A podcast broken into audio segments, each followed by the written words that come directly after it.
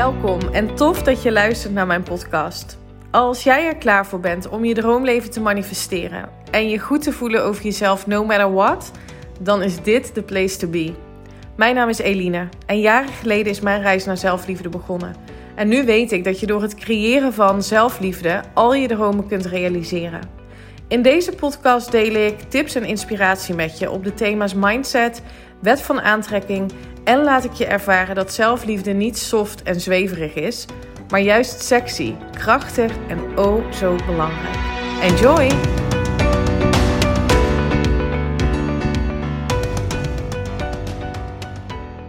Hey, hallo en welkom bij weer een nieuwe aflevering van de Elina Haaks podcast op deze maandag. Tenminste, voor mij is het nu maandag dat ik deze opneem en ik zet hem ook gelijk zo meteen online. Dat doe ik eigenlijk altijd op maandag. Dat is een soort van vaste ja, routine geworden. En de podcast voor de donderdag neem ik meestal wel eerder op. Ehm, en ik ben benieuwd of jij hem ook uh, meteen dezelfde dag luistert. Of dat je um, ook vaste momenten hebt dat je, dat je naar mijn podcast luistert of naar andere podcasts. Ik ben ook wel benieuwd, wanneer luister jij naar podcasts? Ik um, was bijvoorbeeld gisteren aan het strijken.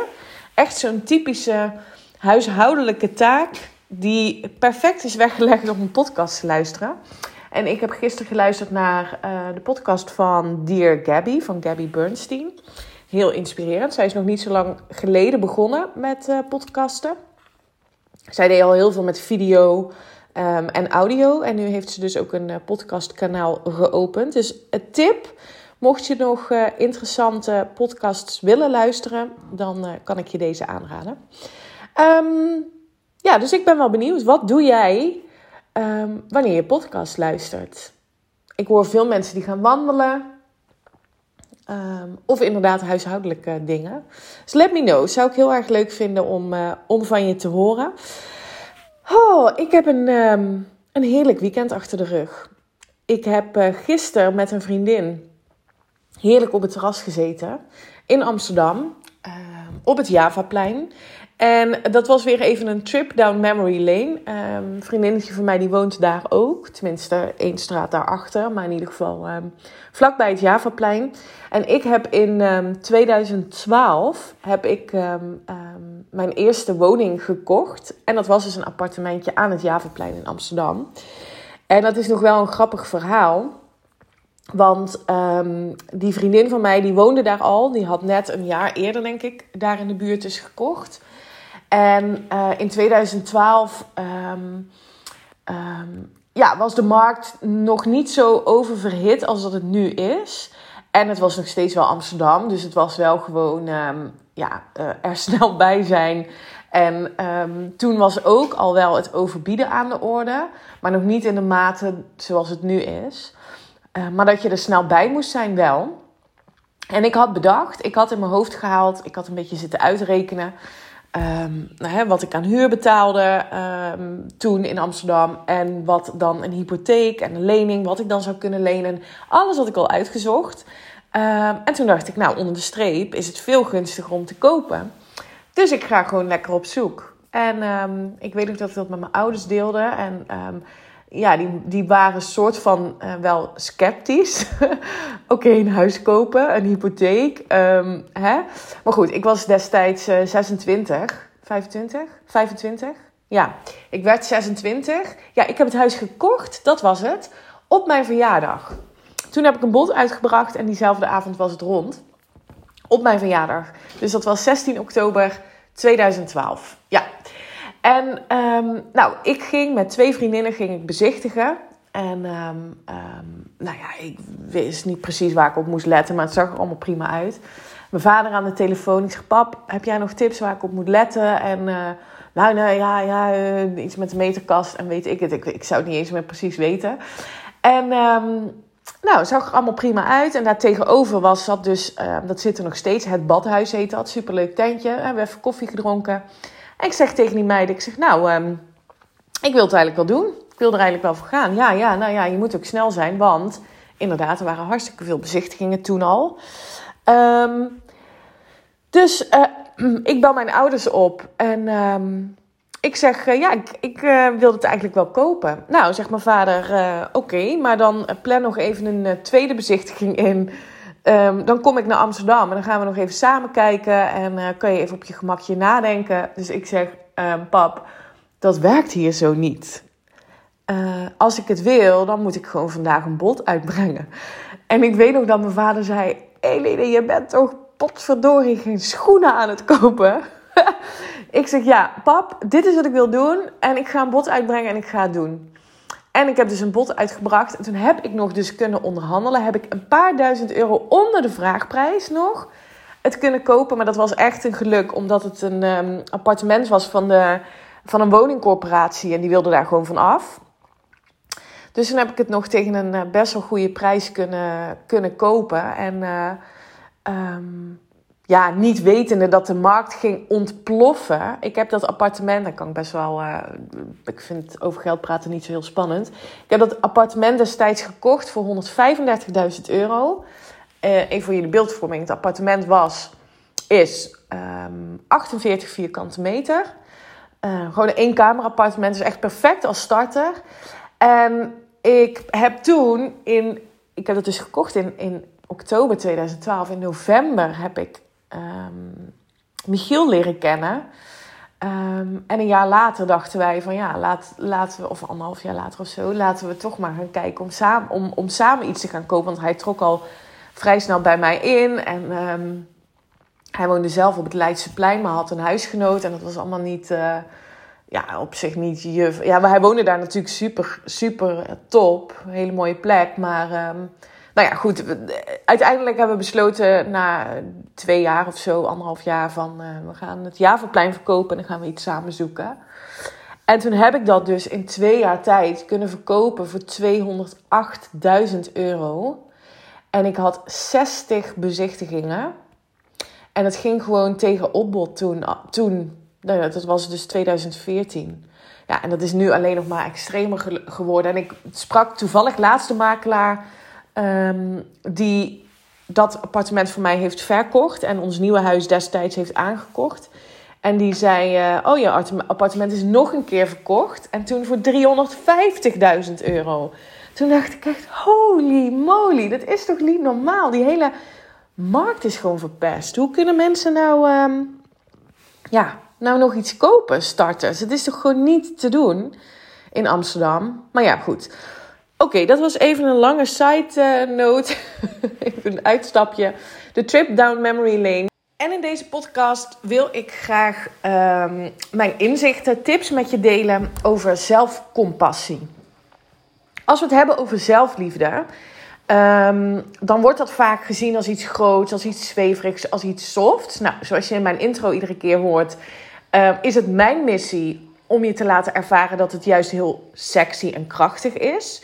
Omdat op het moment dat jij um, op alle onderwerpen die zelfliefde, zeg maar, je kan zelfliefde zien als een soort van kapstok. En daaronder hangen allemaal thema's die je kunt aanpakken, waar je mee aan de slag kan gaan. Um, om die optimale zelfliefde te creëren. En belangrijk om te weten: het is altijd een proces. Ook voor mij zijn er gewoon dingen waar ik nog steeds um, me in ontwikkel. Ook omdat je je verandert. Je verandert in je dromen. Je verandert, dus je staat nooit stil. En dat geldt voor zelfliefde ook. Dus laat ik even vooropstellen dat het een utopie is om te denken dat je uh, zelfliefde als een studie kunt uh, doen. Vervolgens een diploma kan halen. Je zelfliefde hebt en het nooit meer verdwijnt. Dat is niet hoe het werkt. Zo werkt het ook niet met geluk ervaren, vrijheid ervaren. Dat is, um, het is geen grijpbaar punt. En dat is met zelfliefde ook. Zelfliefde uh, bestaat uit een aantal onderdelen. En dat maakt het soms ook dat het voelt als een groot onderwerp. Dat het voelt als een abstract onderwerp. En daarom is het mijn missie om uh, het praktisch te maken, om het toegankelijk te maken. Um, en je in de verschillende facetten, ook in mijn podcast, maar dat doe ik ook in mijn training, uh, mee te nemen in allerlei stukken van zelfliefde. Waarop jij dus kunt, kunt um, aanhaken op de onderwerpen, op de thema's die voor jou resoneren. Nou, in deze podcastaflevering wil ik het graag hebben over um, zelfcompassie. een ontzettend belangrijk onderdeel uh, van zelfliefde. Um, zelfcompassie gaat dus over hoe spreek ik tegen mijzelf? Wat is de interne communicatie die ik met mijzelf voer? En we zijn ons er uh, niet echt van bewust dat wij de hele dag met onszelf in gesprek zijn. Dat we de gedachten die we hebben um, zelf voeden door de emotie die we daarbij voelen. Um, wat wel interessant is om even te benoemen, is dat een gedachte ontstaat en gemiddeld 17 seconden daarna ontstaat een nieuwe gedachte. En die gedachte is in lijn met de, met de eerdere gedachte. Dus als je je daar bewust van bent en je bent je dus ook bewust wat je jezelf vertelt over jezelf, um, dan kun je dus je mindset, want dat is het. Jij gelooft iets over jezelf of over um, hoe je eruit ziet, hoe goed je bent, noem maar op.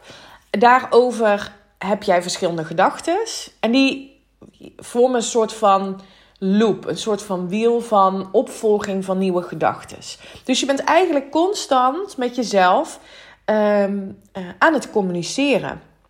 En um, wat dat kan doen, zeker als jij opmerkt dat dat regelmatig negatief is, dan kan dat dus een impact hebben op je zelfbeeld. Een ander onderdeel van zelfliefde. Um, wat ik, wat ik wat belangrijk vind ook om te benoemen, is dat ik niet wil pretenderen dat je alleen maar bezig moet zijn met positieve gedachten. Dat je alleen maar bezig moet zijn met um, um, je, je 100% goed voelen um, en, en, en daar alleen maar op focussen. Want dat zorgt ook voor kramp. En dat is niet wat je wilt. het gaat erom dat het oké is dat je een keer zorgen maakt. Of dat het uh, oké is dat je een keer angst, dat je wel eens angst voelt. Um, en dat het ook oké is om bepaalde emoties er te laten zijn. Wat ik zo vaak um, hoor, is dat ik mensen hoor zeggen: Ja, dan probeer ik mijn negatieve gedachten, dus ook een negatieve emotie, te veranderen voor een positieve gedachte. Maar dat kan niet. Die negatieve gedachte is er al. Die negatieve emotie is er al. Want je ervaart hem. Dus laat hem er dan zijn. En wat je wel kunt doen, is je mindset zo trainen dat je, um, um, dat je gaat kiezen voor, die voor een andere gedachte. Dat je je focus gaat verleggen naar, maar ik gun het mezelf om me goed te voelen. Um, en als dat eronder zit, dat je dus best wel uh, negatieve emoties kan ervaren. Dat je situaties kan ervaren waar je niet op zit te wachten en dat je daaronder voelt, maar ik ben oké. Wat jij namelijk um, meemaakt of wat er gebeurt, zegt niets over wie jij bent. En die wil ik je echt nog even meegeven. Dus um, even terug naar die gedachten. Gedachten kunnen zich gaan herhalen. Tot je er op een gegeven moment in gaat geloven. Nou, daar hebben we het vaak over overtuigingen. Dus het is belangrijk op het moment dat je negatieve gedachten ervaart, dat je daar niet heel veel aandacht aan gaat geven, omdat je daarmee het momentum opbouwt in negativiteit. En dat heeft een grotere impact op je brein. Het heeft een mega impact op je brein. Er zijn ontzettend veel um, hersenonderzoeken gedaan en verschillende wetenschappelijke onderzoeken ook. Um, um, die aantonen dat negatieve gedachten en aan de andere kant uh, het voelen van heel veel dankbaarheid hoe dat impact heeft op je uh, brein. Bij iedere uh, gedachte maakt ons brein stofjes aan. En die beïnvloeden je gemoedstoestand. Um, op zich klinkt dat logisch, hè? Um, maar als je daar eens bij stilstaat, dan betekent dat dus al dat je met je gedachten je gemoedstoestand kunt bepalen. En dat is natuurlijk iets wat ik um, um, vanuit wet van aantrekking ook heel erg uh, benadruk als zijnde energie. Dus wat jij denkt en wat je voelt, zendt een bepaalde vibratie in, uit. Um, maar in jouw brein worden er stofjes aangemaakt die ervoor zorgen dat jij of um, uh, je heel gelukkig voelt, of uh, je gehaast voelt, druk voelt, noem maar op. dus, dus ze hebben een onderzoek gedaan naar de kracht van gedachten. En vooral dus hoe, hoe uh, aan de ene kant negatieve gedachten, aan de andere kant dankbaarheid. Dus zo'n impact hebben. En daar werden dus hersenscans voor afgenomen. En die toonden eigenlijk aan dat het deel in het brein dat verantwoordelijk is voor um, beweging, het organiseren van gedachten, um, het verwerken van bepaalde informatie, um, dat die activiteit daar daalde wanneer mensen zich zorgen maakten, wanneer er angst was. En een daling van die activiteit in dat deel van de hersenen zorgt concreet voor uh, een zwakkere fysieke coördinatie. Um, um, minder goede cognitieve ontwikkeling. en er daalde ook een activiteit in, ja, dat noemen ze de temporale hersenkwabben, als gevolg van uh, negatieve gedachten. En dat deel van de hersenen gaat echt over uh, taalbegrip, over uh, concentratie, over um, gedrag, over geheugen. Dus je kunt je voorstellen hoeveel impact het kan hebben op het moment dat jij jezelf voedt met negatieve gedachten over jezelf. Dus um, even terug naar zelfcompassie en wat kun je daar dus mee doen? De allereerste stap is bewust worden van wat je jezelf vertelt over jezelf. Dus als jij gedachten hebt, um, stel je maakt een fout tussen haakjes. Ik geloof niet in fouten. Ik kies ervoor om dat te zien als lessen. Dat is al een vorm van zelfcompassie. Want wat ik daarmee doe, is zeggen tegen mezelf: Oké, de outcome van hè, het resultaat van wat ik had gewild is anders dan ik had verwacht. Uh, en wat heb ik hiervan geleerd? Wat mag ik hiervan leren? Het heeft geen zin om mezelf te voeden met wat ik voorheen deed jeetje, heb je dit nou nog niet onder de knie? Heb je dit nu weer verkeerd gedaan? Let nou toch eens een keer op. Dat soort gedachten. En ga maar eens bij jezelf na hoe vaak je dat tegen jezelf zegt. Dus bewustwording hierin is één. En um, mijn tip zou zijn om op het moment dat jij een situatie ervaart waar je niet blij mee bent, om eens um, voor jezelf na te gaan: wat zeg ik nu tegen mijzelf? Wat vertel ik nu mezelf? Um, en dat is te gaan opschrijven. En dat is bij te houden voor een week of zo in een dagboekje. En dan is na een week terug te kijken wat je jezelf eigenlijk vertelt. En dan heb je nog lang niet alle gedachten. Want we hebben 60 tot 80.000 gedachten per dag. Dus maak je niet de illusie dat je alles gaat ondervangen. En dat is ook helemaal niet nodig. Want wat ik hiermee wil creëren, is dat je je bewust bent van het gegeven dat je negatief tegen jezelf praat. En nu weet je dus ook wat dat voor effect kan hebben op je dagelijks leven. Dus vanuit hè, terug naar zelfliefde, wat gun ik mezelf? Ik gun mezelf om in de gemoedstoestand dankbaarheid, liefde, vertrouwen te leven. En dat wil niet zeggen dat ik ook eens uh, negatieve emoties kan ervaren. Dat wil niet zeggen dat ik um, geen omstandigheden ervaar waar ik niet op zit te wachten. En ik voel daaronder, maar ik ben oké. En dan heb je ook. Uh, dus, dus tip 1 is: hè, word dus bewust van wat vertel ik mezelf. En dan tip 2 zou zijn: wat, hoe kan ik nou wat, wat liever voor mezelf zijn? Wat kan ik nou wel tegen mezelf zeggen? Ga aan de slag met affirmaties. Wat, um, wat, wat wil je over jezelf zeggen? Wat wil je geloven? Ik hou van mezelf. Misschien voelt het in het begin oncomfortabel, maar ga het maar eens vertellen tegen jezelf. Je zult zien dat naarmate de tijd vordert en je dit consequent herhaalt, dat je meer rust gaat voelen. Dat je letterlijk meer, minder kramp gaat voelen in je lichaam. Dat is wat ik heb ervaren. Dus je brein liefdevol sturen, dat is eigenlijk wat je doet naar wat je jezelf gunt. Dus deze wilde ik je meegeven. Word eens bewust van hoe streng je soms voor jezelf bent. En dat we ook geloven hè, met z'n allen. En dat is ook een soort van collectieve overtuiging. Dat wilskracht en discipline en hard werken voor dingen. Dat dat the way to go is. Want dan ga je wel presteren. En dan kun je trots op jezelf zijn. Maar dat voelt niet fijn. Dat voelt zwaar. En um, ja, ik gun het je gewoon om dingen te gaan doen, te gaan ondernemen vanuit die, die flow van ik ben oké okay no matter what. En dat heeft heel erg te maken met hoe je tegen jezelf spreekt en wat je jezelf gunt. Dus ik ben benieuwd um, of je hiermee aan de slag gaat. Ik zou het leuk vinden als je het met me deelt. Ehm, ja, misschien dat je, ehm, dat je tot, tot opmerkelijke overtuigingen komt waar je nu helemaal nog niet bewust van bent. Dat is juist, dat is juist interessant als je aan de slag gaat met hè, je gedachten eens wat meer analyseren. Dan komen er dus ook overtuigingen naar boven van hé, hey, maar waar komt, dit, waar komt dit vandaan? Waarom vertel ik mezelf dit? en op het moment dat je er bewust van bent, dan kun je er ook mee aan de slag.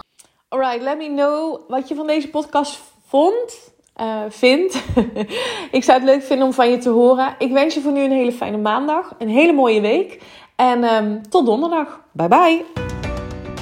Dankjewel voor het luisteren. En ik zou het echt te gek vinden als je via social media deelt dat je mijn podcast hebt geluisterd.